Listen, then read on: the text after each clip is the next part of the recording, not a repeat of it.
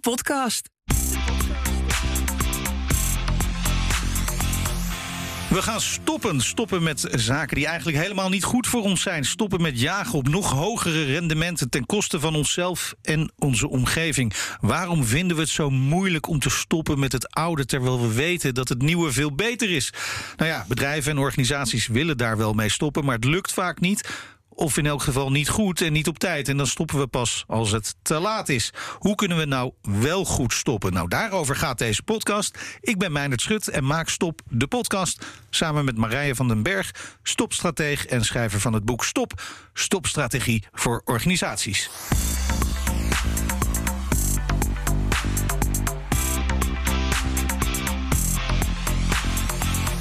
Marije, we zijn weer in de studio. In welk thema duiken we deze aflevering? In de financiële wereld. Want we zijn verslaafd aan meer winst en hogere rendementen.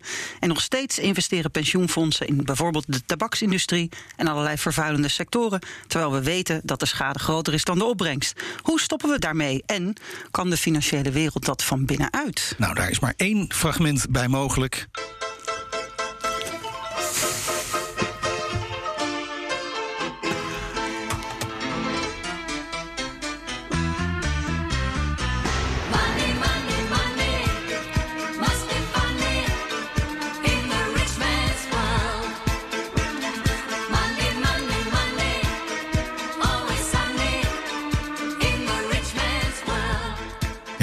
Money Money van eh, ABBA. Heerlijk. Wat zou het toch fijn zijn als we zoveel geld zouden hebben. Maar ja, rijk worden we niet van deze podcast, Marije. Maar helemaal voor niets hoeven we het gelukkig ook niet te doen.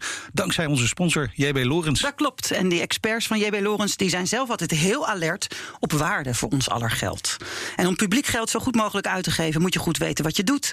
En zij helpen bij het sturen op maatschappelijk rendement door goed met iets te stoppen als het daar tijd voor is, bijvoorbeeld.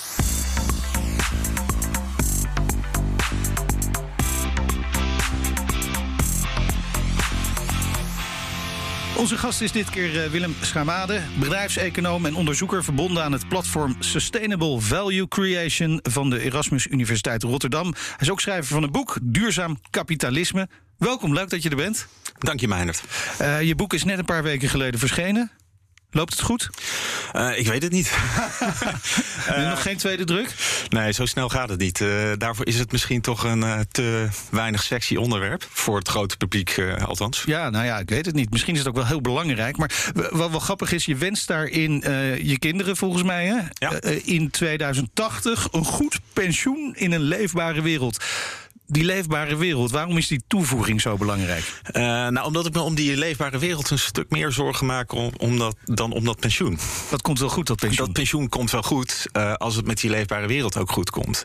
Terwijl als het met die leefbare wereld niet goed komt, dan gaat het pensioen er ook niet komen. Uh, en dat is de zorg die ik er heb. Want gek genoeg maken we nu de wereld vooral kapot. Uh, vaak op onzichtbare manieren.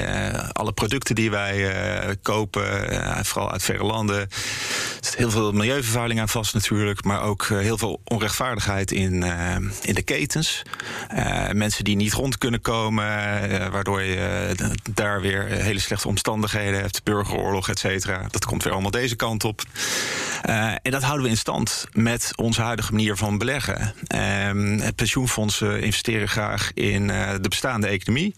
En niet in nieuwe dingen die ons uh, zouden kunnen helpen in een transitie. Kijk, en, maar op zich, uh, dat, dat prima rendement en duurzaam, dat is toch al lang geen tegenstelling meer? Uh, Waarom? Op, op zich niet. Ehm, dus dat, dat, is een, dat, dat fabeltje is inderdaad de wereld uitgeholpen dat het altijd geld zou moeten kosten. maar er lopen wel wat dingen door elkaar heen. De, de zogenaamd groene dingen, of duurzame dingen, zijn vaak niet zo duurzaam. Dus we weten helemaal niet zo goed wat duurzaam is. Dat is één. Uh, ten tweede, die pensioenfondsen die willen alleen beleggen in uh, zaken waarvan ze weten dat het historisch gezien iets heeft opgeleverd. En dat zegt natuurlijk niet zo heel veel over de toekomst. Op zichzelf zou je zeggen, die stoptekens die zijn vrij duidelijk. Hè? Ja. Klimaatverandering, slechte omstandigheden. We kunnen onze ogen niet meer sluiten voor uh, het feit dat wij hier ons geld aan het werk zetten om elders in de wereld dingen stuk te maken. Wat is nou, daar ben ik echt nieuwsgierig naar. Hij komt uit die wereld. Wat is nou het verhaal wat binnen die wereld aan elkaar verteld wordt om het te blijven doen? Welke, Ja. Wat gebeurt daar nou? Nou ja, die wereld maakt zichzelf eh, wijs dat er eh, geweldig mooie veranderingen al eh, gaande zijn. En dat het eigenlijk al best goed gaat. Namelijk door, door uitsluitingen te doen. Zo van, we beleggen niet meer in tabak. Dus dat doen allerlei partijen al een aantal jaar niet meer. We beleggen minder in olie. We beleggen niet in olie als dat in hele enge landen gebeurt. We, we scoren die bedrijven op, hun, op hoe, hoe duurzaam ze zijn. Alleen verandert dat het heel weinig. Die, die pensioenfondsen beleggen nog steeds vooral in staatsobligaties, Amerikaanse aandelen, dat soort dingen. En heel veel van die bedrijven eh, zijn niet duurzamer aan het opereren dan ze een paar jaar geleden deden. Dus je zegt dat eh, er, wordt met van alles gestopt waarvan aantoonbaar is. Nou, dat is echt slecht. Of daar, daar roept de klant ook van, dat, dat willen we niet meer. We Ja. willen niet wapens en we willen niet tabak. Maar, eh, maar blijkbaar is er veel, moet er met, ja, gaat het om een heel andere verandering. Ja, ja, want je zou willen dat, het, dat ze echt gaan investeren in plaats van dat, eh, dat beleggingsspelletjes spelen dat ze nu spelen. Kijk, eh, nu eh, worden investeringsbeslissingen of beleggingsbeslissingen vooral genomen op basis van historische rendementen. Dus we halen er een, een econometrisch model bij en dat zegt, oh.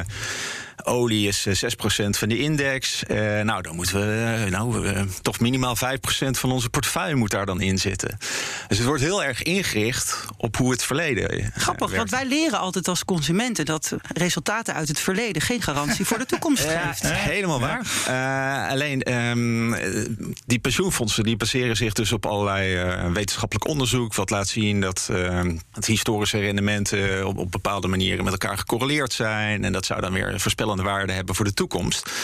En dat wordt dan doorgetrokken. Ja, dus eh, Chris Aguirre noemt het de self-sealing logic. Dus wat je ziet is waar je naar kijkt. Ja. En omdat je er naar kijkt, zie je het. Ja, het is het, het, eh, in technische termen heet het de efficiënte markthypothese. Dus de, de markt is efficiënt, eh, alles is goed geprijsd. Er zijn alleen wat inefficiënties. Die, je haal je er met, met een econometrisch model uit. En dan ga je net zoveel verdienen ongeveer als de hele markt. En als je minder doet, ja, dan ben je heel stout. Eh, dat is echt het slechtste wat je kunt doen. Alleen intussen heb je dus geen flauw idee waar je, waar je in belegt. Nee, precies, want daar gaat het om. Hè. Als je kijkt naar het doel waar pensioenen voor opgericht zijn, dan doen ze het natuurlijk hartstikke goed. Zorgen dat onze pensioenen eh, goed blijven, Ja, toch? Zelfs daar kun je nog wel wat Maar, oké, op maar wereldwijd staat het Nederlands pensioenstelsel nog altijd buitengewoon goed aangeschreven. Ja, omdat we natuurlijk ook heel veel inleggen. Eh, Al zijn die rendementen ook niet geweldig geweest. Omdat we natuurlijk heel veel in staatsobligaties en zo hebben belegd. Of, eh, en in olieaandelen. Ja. Eh, wat niet zo geweldig is. Maar, maar je hebt gelijk. Het, het, eh, de, de nauwe definitie van zo'n pensioen is gewoon... je betaalt het uit. Ja. Alleen, eh, ja, je bent dus in staat om nu een pensioen uit te keren. Kun je dat over 10, 20, 30 jaar ook nog? En dat is de grote vraag. Ehm, eh, bovendien... ehm, ja, je, en dat, dat besef begint wel te komen. Ze zijn een universal owner. Dus ze zijn eigenlijk eigenaar van de hele economie. Dus ze beseffen wel dat als. Beseffen zij dat ook echt? ja, Oké. da- steeds meer. Dat waar de economie heen gaat, dat ze daarbij horen. Dus dat het een soort catch-22 is waar ze zichzelf Eh, ook ja, eh, ja. in, instorten. Ja, namelijk, de- dat, dat is de negatieve variant. De positieve variant is van, goh, ze zien iets meer die verantwoordelijkheid van, oh, goh, als wij in de verkeerde dingen beleggen, dan gaat de samenleving de verkeerde kant op. en dan hebben wij minder rendement. Ja, Eh, de- de keerzijde is die catch-22 van ja, nee, de, zo is de economie nu eenmaal. We moeten daar wel in beleggen, want eh, we hebben toch weinig invloed. Terwijl dat onzin is. We hebben, wat is het, 1500 miljard of zo in pensioenfondsen zitten. Ja, kan je, mooie dingen mee doen. Daar kun je super mooie dingen mee doen. En Zeker. jij, was, jij, was, jij zat in die binnenwereld. Jij was bij Nationale Nederlanden en Robeco vermogensbeheerder. Heet Ja. je dat zo? Ja. Ik eh, dacht al, nou, jij was echt de kanarie in de kolenmijn. Haha. Eh, hoe was dat om dat te zijn? Ja, nou, het, eh, misschien wel te vertellen over hoe ik erin ben gerold. Ik, ik heb ooit bij, bij PwC gewerkt, waarderingen gedaan. Dus ik ben heel technisch opgeleid. Dus ik weet heel precies hoe je, hoe je waarderingsmodellen doet. Het is iets, dus ik ben zo'n zo'n techneut, zeg maar. Dus ben ik in 2007 bij Robeco gaan werken, aandelenanalist. Super interessant, want je houdt een sector bij. Je gaat alle trends analyseren. Wat zijn goede bedrijven? Daar deed ik aanbevelingen over. Alleen wat gebeurde er dan? Eh, mijn aanbeveling was: ja, dit bedrijf moet je wel kopen. Oh, dan, eh, dan doen we een paar basispunten meer of minder. Dus het effect van die beslissingen was heel gering. Dat was de eerste wake-up, zeg maar. De tweede wake-up was op een gegeven moment van... eh, we gingen duurzaamheid doen. Dus er kwam een nieuwe CEO van eh Roderick Munsters, eh, van, het kwam van APG. We gaan iets met duurzaamheid doen, dus we moeten het integreren. Iets met duurzaamheid. Ja. Was het klassieke greenwashing of ging het wel wat dieper nee, dan hij dat? was echt oprecht. Hij wilde het echt doen. Eh, en we Ja, maar het klinkt zelfs- niet alsof je echt, echt de omslag gaat maken. Iets met nou ja, zo kwam het wel duurzaamheid op ons over. En, Ja, ja, en, oké. Aanvankelijk was ik ook niet overtuigd. Eh, want we, we kregen dan een score uit, van onze duurzaamheidsdochter in Zurich. Eh, dit bedrijf scoort 66 en dat 52. Maar we konden er helemaal niks mee. Terwijl, wat wilden wij gewoon weten als fundamentele beleggers? Is dit een goed bedrijf of niet? En wordt dat geraakt door die duurzaamheid? Toen stapte ik over naar een andere sector. Ik ging de basismaterialen volgen. Toen viel waar moet ik dan aan denken? Basismaterialen? eh, mijnbouw, chemie, dat soort dingen. Oh ja. toen viel voor mij pas het kwartje. Toen zat je echt in die kolenmijn dus. ja, ja, zeker. Ja. Nee, ik ben ook in een, eh, in een wat is het, een, een in Siberië geweest. Letterlijk. Nou echt super. Maar Mooie ervaring. Ja. Wens je iedereen toe. ja, achteraf gezien dat ik daar in die lift durfde. Nou goed. Eh, maar dat was een eye-opener, want die mijnbouwbedrijven... die verloren dus miljarden door stom duurzaamheidsbeleid. Dus een, een, eh, bijvoorbeeld Anglo-American, dat zou een eh, mijn bouwen voor 2,5 miljard in Brazilië, ijzererts. Kost uiteindelijk 13 miljard, vijf jaar eh, vertraagd, et cetera omdat ze gewoon vergeten waren om 3000 milieuvergunningen aan te vragen. Vergeten heet dat dan. Vergeten, ja. Eh, vergelijkbare problemen in Zuid-Afrika met, eh, met de arbeidsomstandigheden. En intussen had je die ehm, chemiebedrijven die goede winsten maakten door duurzame producten aan te bieden. Dus dacht ik wel van, hé, hey, wacht, er is hier een verband. Eh, dus duurzamer opereren kan dus eh, een concurrentievoordeel meebrengen. Ligt dat dan ook eh, aan het feit dat er regels worden gemaakt waar je Ja, je dan ja, gewoon zeker. maar aan hebt te houden? Ja, ja, nee, want eh, waarom konden die chemiebedrijven geld verdienen? Omdat die autobedrijven steeds schonere auto's moesten gaan leveren. Nou, dan, wordt het wel, eh, dan moet je dus wel die katalysatoren van die, eh, van die chemiebedrijven kopen. Ja, dus op die manier kunnen ook regels eh, Ja. duurzaamheid stimuleren. Ja, Ja. ja. dus het was echt een overheidsimpact. ook andersom dus. Die, die, die milieuvergunningen in Brazilië. Ja, zonder overheid had het mijn bedrijf, bouwbedrijf ook geen probleem gehad. Ja. Dus de, de eye-opener was van er is een verband. We moeten dat integreren. Dus duurzamere bedrijven konden ook winstgevender zijn. En is het nou zo, want jij zegt dit nu, hè? Zijn er dan mensen in de financiële wereld die zeggen: ja, maar ons gaat het om eh, ons rendement voor de toekomst voor onze kinderen. Dus als we nou maar minder regels hebben, ja, dan kunnen we gewoon meer rendement halen. Dat is dan toch gewoon het narratief wat, Ja, je- ja, wat, dan, wat dan daar tegenover Nee, staat. klopt. Dat is, dat is het neoliberale denken natuurlijk. Van eh, minder regels, eh, ongebreidelde economische groei eh, en dan gaat alles goed. Alleen de denkfout die dan wordt gemaakt is dat je... dan krijg je meer mar- een markt zogenaamd. Maar in feite krijg je gewoon marktconcentratie en marktmacht. Eh, de Apples en de Googles en zo, die, die alles kunnen. Ja, Ja. dat wil je ook niet hebben. Dus Nee. het schiet volledig door. Ja. Ja, ik moest daar eigenlijk ook gelijk een beetje denken aan eh, Gordon Gekko. Hè, uit eh, eh, Wall Street, film uit eh, 1987. Michael Douglas. Luister even mee. The point is, ladies and gentlemen, that greed, for lack of a better word, is good. Greed is right. Greed works. Greed clarifies, cuts through, and captures the essence of the evolutionary spirit. Greed in all of its forms. Greed for life, for money, for love, knowledge, has marked the upward surge of mankind, and greed, you mark my words, will not only save Teldar paper, but that other malfunctioning corporation called the USA. Thank you very much. Ja, greed is good. Eh, zijn, we niet allemaal een beetje Gordon Gekko? We houden onszelf toch een beetje voor de gek? Ja, zeker. Nee, eh, iedereen heeft eh, korte termijn eh, tendens. We willen allemaal snel scoren. Dat is gewoon de dopamine, dopamine in je hersenen. Ja. Alleen, we zijn niet alleen dit soort economische dieren. Eh, kijk, Adam Smith heeft dat ooit goed gezegd. de onzichtbare hand van de markt, efficiëntie, et cetera. Maar hij heeft ook nog een heel ander boek geschreven, Theory of Moral Sentiments. En dat gaat over de mens als sociaal wezen. En dat is toch eigenlijk belangrijker dan, dan dat economische wezen. Eh, Dat heeft Hmm. eh, allerlei psychologisch onderzoek ook laten zien. Nou ja, Darwin ook al, hè? Survival of the fittest. Het Ja. ging niet over wie het sterkst was, maar wie zich het beste kon aanpassen aan zijn ecosysteem. Ja, en eh, alleen welke dingen, het belangrijk zijn, dat hangt ook af van in wat voor context je zit. Dus je kunt nog zulke mooie lange termijn visies hebben. Als jij op de korte termijn wordt afgerekend, is dat best lastig. Dus als Ja. fondsmanager moest ik altijd een rendement over twaalf maanden behalen. En iedere dag kon ik zien of ik had gewonnen of verloren die dag. En dus dat, dat doet dingen met je hersenen die, die eigenlijk niet zo heel gezond zijn. Ja, ik weet nog, ik ben zelf eh, eh, voorzitter van een klein vermogensfonds. Oh. Eh 2,5 miljoen, dus dat is in die wereld helemaal niks, maar wel leuk. Ja. En inderdaad, eh, eh, het feit dat je met elkaar afspreekt dat je de langere termijnen voor ogen houdt. En dus niet heel erg schrikt van bijvoorbeeld die enorme dip van de coronacrisis of van de bankencrisis. Ik kan me voorstellen dat je als je de hele dag die, eh, eh, die cijfers ademt, eh, ja, dan ga je gewoon hollen op de sprintjes, zeg maar. Eh, dat is wel anders dan dat je gedwongen wordt om over de lange termijn en de hele aardbol na te denken. Ja.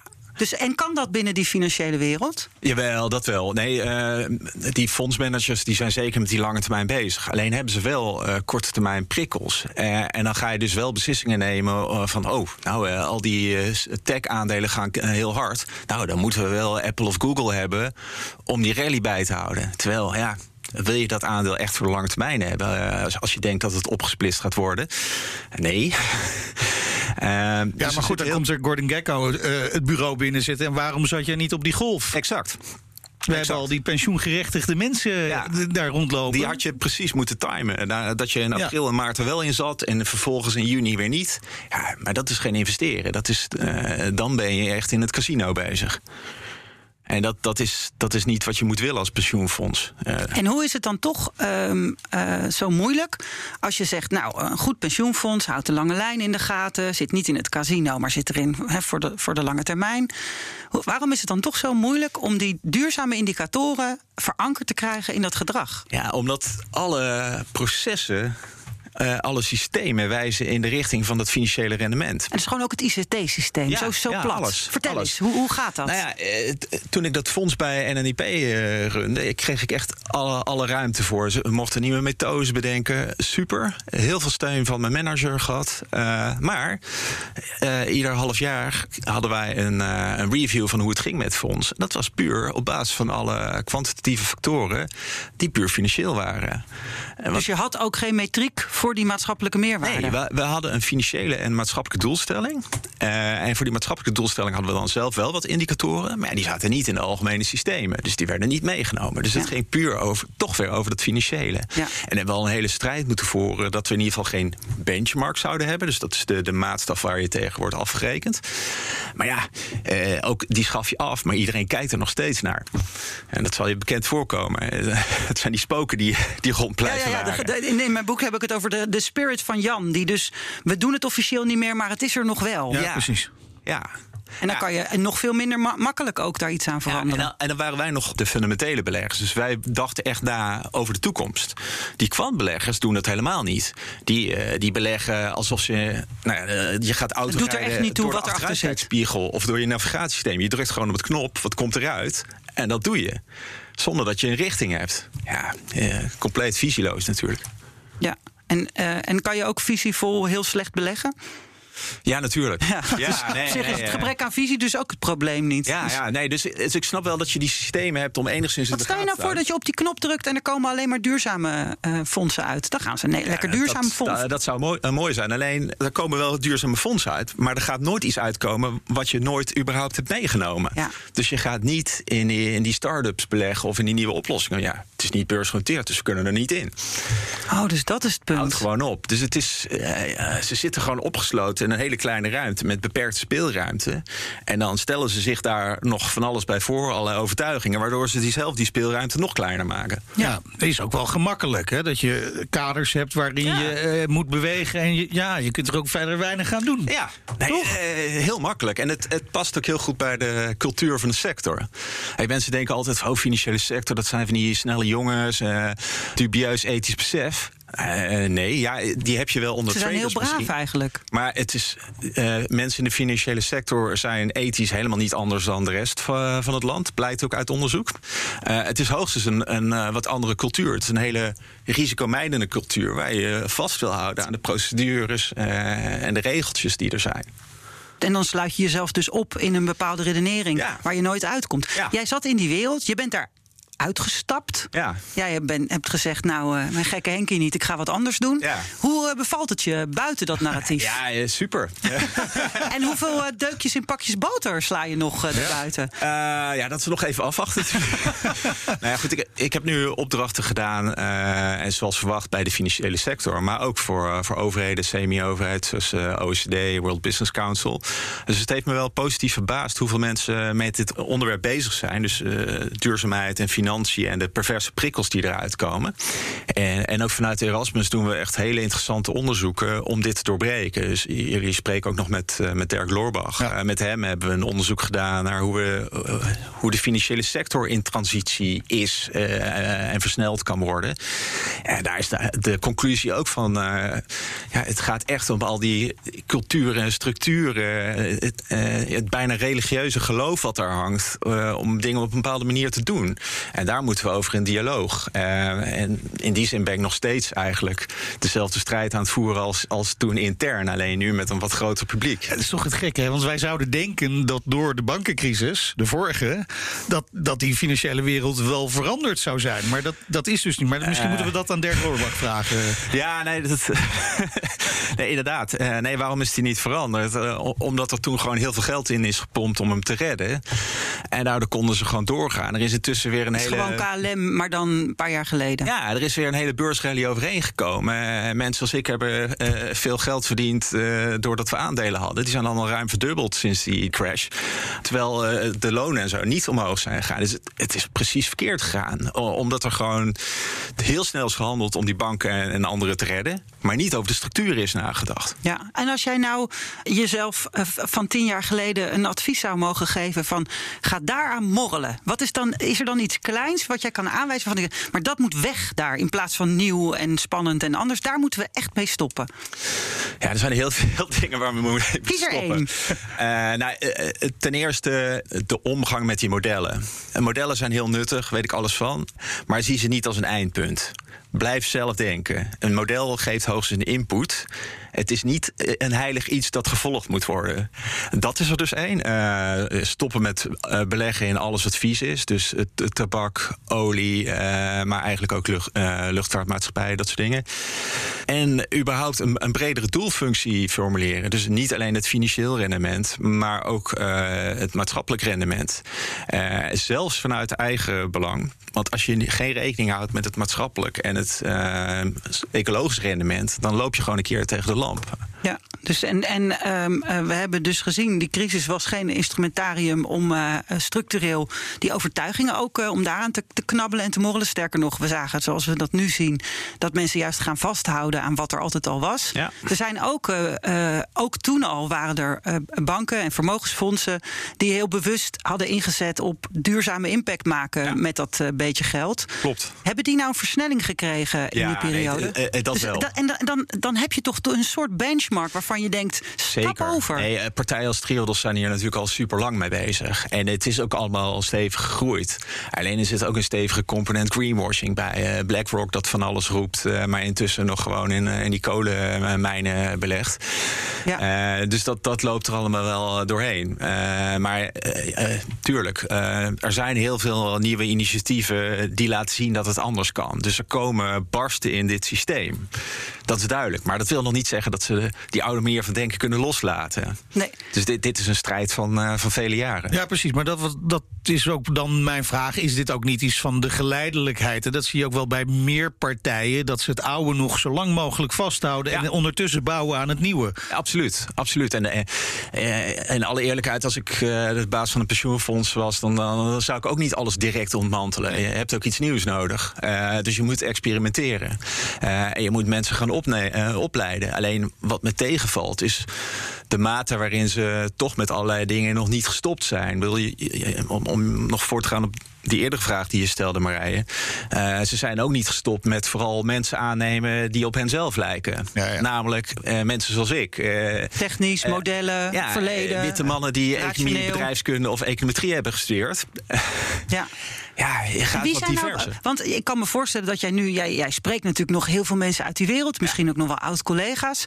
Op wie moeten we nou letten in die wereld? Hoef je niet een naam te, maar wat voor types moet je nou eh, stevig maken in die wereld? Ja, nou, eh, gelukkig heb je er heel veel die toch op allerlei plekken zitten en- en daar eh, aan het schoppen zijn, zoals ik dat ook deed.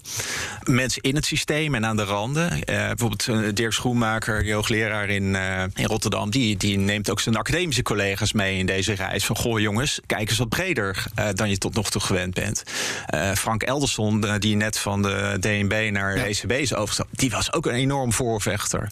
Maar ook bij die pensioenfondsen zitten, zitten die mensen. Eh, Jaap van Dam van eh, PGM, ja, die, die is echt wel met hele interessante dingen bezig. Die wil die mensen ook meekrijgen. Eh, maar ook gewoon mensen die net beginnen. Veel jonge mensen die het gewoon anders willen doen.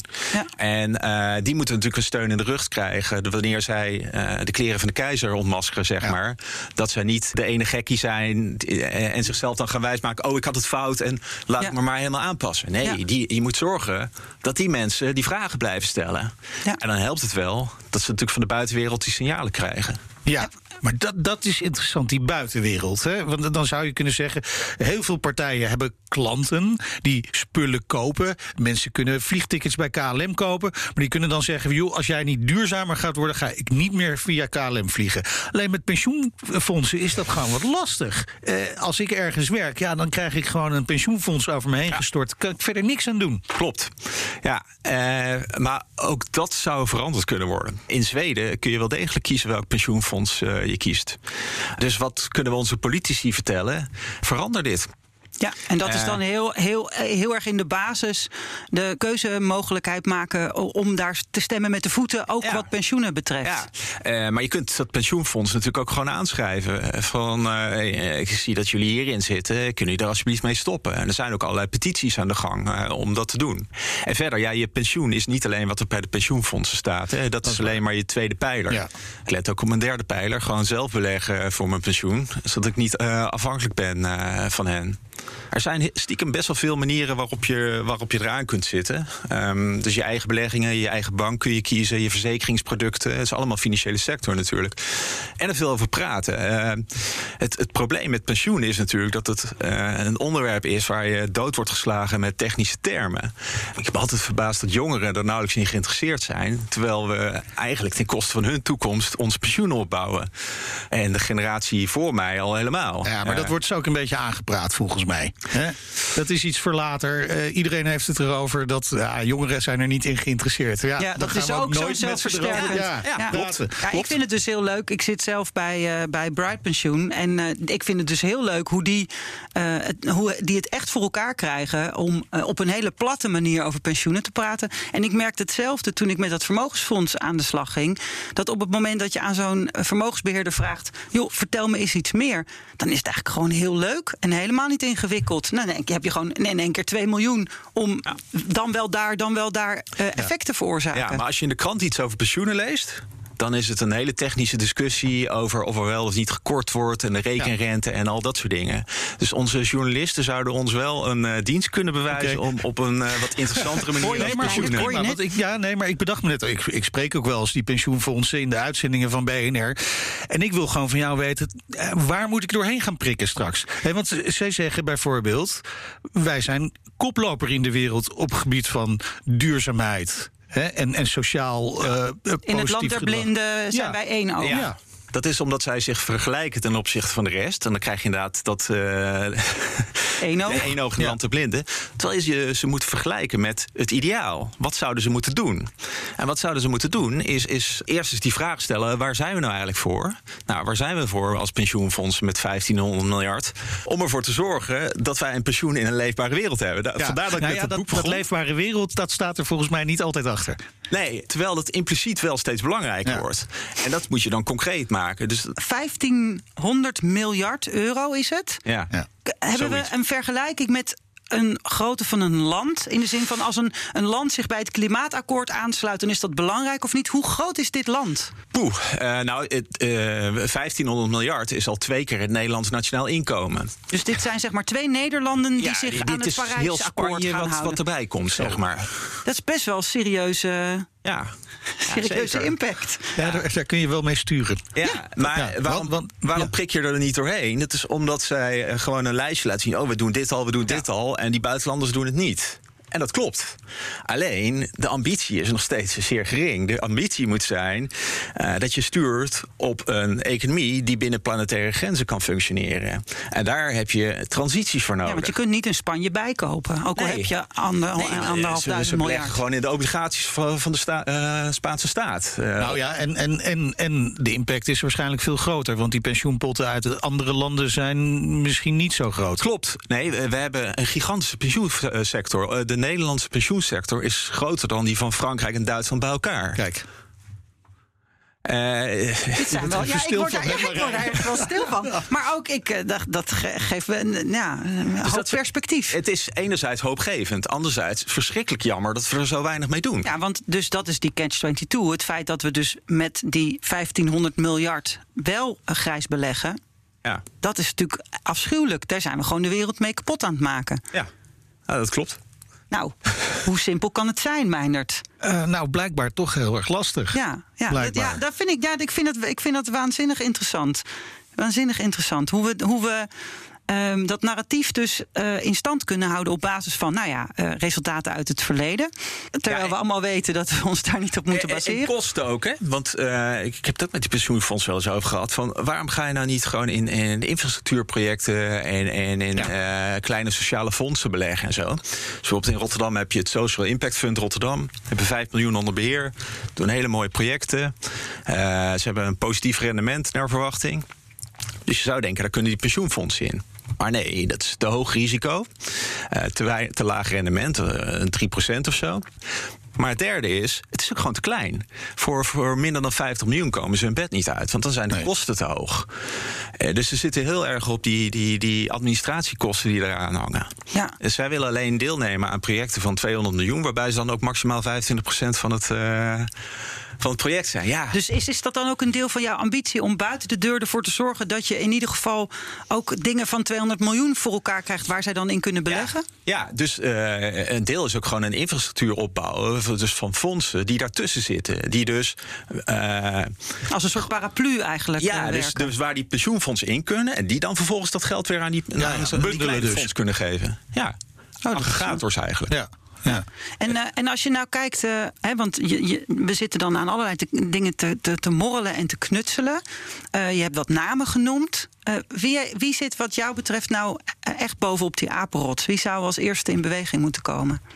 Poeh, eh, ja, dan komt het toch vanuit eh, de ECB, de Nederlandse bank. eh, maar ook de, de hoofden van de pensioenfondsen zelf. Dus Ja. helemaal bovenaan Echt die sector APG, zelf. PGM. Ja, ze moeten veel meer zelf doen. En is dat dan bijvoorbeeld, want wat mij fascineert was wat je even terloops noemde, dat de computersystemen de ruimte niet bieden om eh, maatschappelijke impact te meten. Ja. Eh, is dat wel eh, technisch mogelijk om dat te doen inmiddels? Ja, zeker. Nee, Dus dat zou dan een, een verandering zijn waarvan je moet stoppen met een, een klein deel van de werkelijkheid meten en de hele impact meten.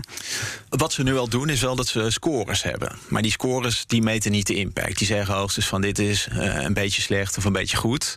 Maar we weten het eigenlijk nog niet. Maar wat je heel goed zou kunnen doen... hier in Amsterdam zit Impact Institute, een True Price... Die, die meten gewoon de maatschappelijke en de ecologische waarde van, eh, van projecten en bedrijven. Die kunnen dat ook in euro's uitdrukken als het moet. Ja, dat kun je prima voor die beleggingen ook doen. Ja. En dan wordt wel duidelijk of je goed of slecht zit. En dan wordt ook veel duidelijker wat goede beslissingen zijn.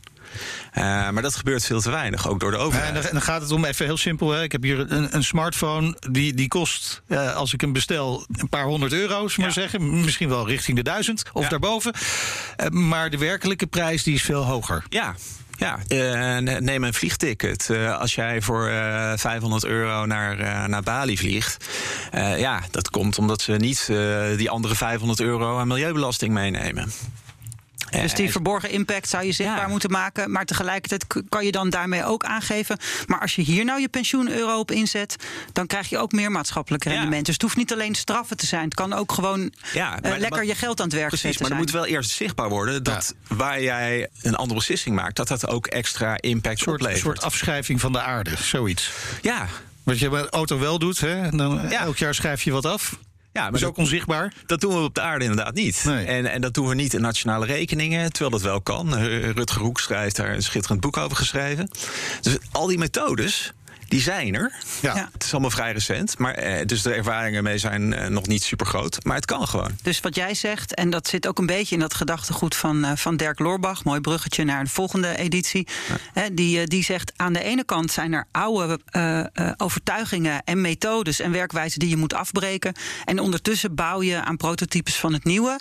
Ehm, en jij zegt die financiële sector, omdat ze zo risicomijdend zijn, heeft een bovengemiddelde behoefte aan iets om naar over te springen. Ja. En dat is, nu, dat is waar we nu hard aan moeten werken. Ja, klopt. Dus het heeft in, in jouw optiek, ik vul het in hoor, maar ik check het, meer zin om op dit moment te bouwen aan iets waar ze naar kunnen overspringen, dan om nu in te zetten op hard stoppen in die sector. Ja, ja want dat stoppen durven ze gewoon niet. Het stoppen met dat geloof, eh, dat, is, dat is het cruciale wat, wat moet gebeuren.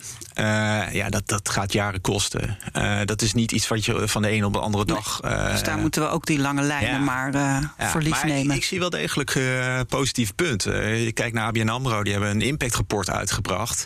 Dankzij mensen binnen de bank die gewoon zeiden van eh, we moeten dit doen. Dat zijn entrepreneurs binnen die instellingen die dat, eh, die Ja, dat doen. dus Mensen dat als- zijn van die mensen die we sterk moeten maken. Ja, inderdaad. Ja, en je, en je ziet die muren waar ze normaal tegenaan liepen, waar jij ook tegenaan liep, die, die, die vallen om zo langzamerhand, die muren. Ja, deels wel. Vooral ook als ze dingen kunnen laten zien die nieuwe inzichten opleveren. Dus En bij geld dat, ook bij dat opleveren, impactrapport dan. bleek gewoon van goh, dit, dit levert eh, betere informatie over onze klanten op, bijvoorbeeld.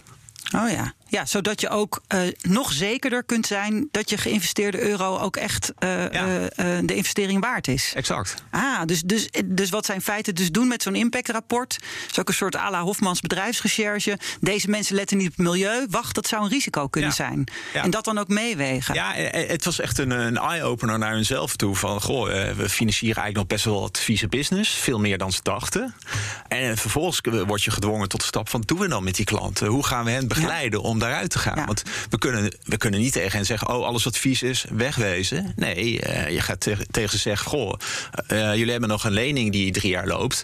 Eh, daarna hebben jullie waarschijnlijk een overbrugging nodig.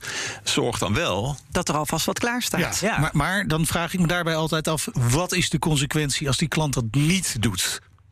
Ja, dat, dat zal moeten blijken. Maar die is er volgens mij nog niet. Eh, nee. Niet sterk genoeg. Nee, klopt. En, en dat geven ze ook toe hoor. Het is het begin. Het, is, het gaat nu nog om karma en om, eh, eh, en om moreel eh, je- het juist te doen. En op een of andere manier moeten we dat net zo hard maken als dat rendement, wat Ja. alleen maar financieel is. Ja, en ze zijn langzaam het licht aan het aandoen. Dus dat Ja. die, die, die sociale en die ecologische waarden ook zichtbaar worden. En vooral de waardevernietiging daarvan. Ja. Eh, zodat mensen steeds meer gezien, ja, als jij geld verdient ten koste van natuur of, of samenleving. Ja. ja dat. dat, dat eh, Dus daar gaat het ook om ontmaskeren van eh, Ja. en, en transparant maken. Ja, zeker. Ja. Laten we maar hopen dat het eh, licht niet te langzaam aangaat eh, voor ons allen. Hè? Dat in ieder geval eh, jouw kinderen in 2080 van een goed en eh, duurzaam pensioen kunnen genieten. Dankjewel, Willem Schamade. Eh, Als je ergens mee wil stoppen binnen jouw organisatie... luister dan alle afleveringen van Stop, de podcast, zodra die online staan. Dit is aflevering 8. Er komen er dus nog twee. En eh, je kunt ook de eerdere zeven gewoon terugluisteren. Dat kan allemaal via de app of van eh, BNR... of gewoon via jouw favoriete podcastkanaal. Precies, kan je ook abonneren. En die laatste twee komen dan ook automatisch in je podcast. Automatisch. Blijf het mooi vinden. Dank voor het luisteren. We stoppen ermee. Vaak heel verstandig.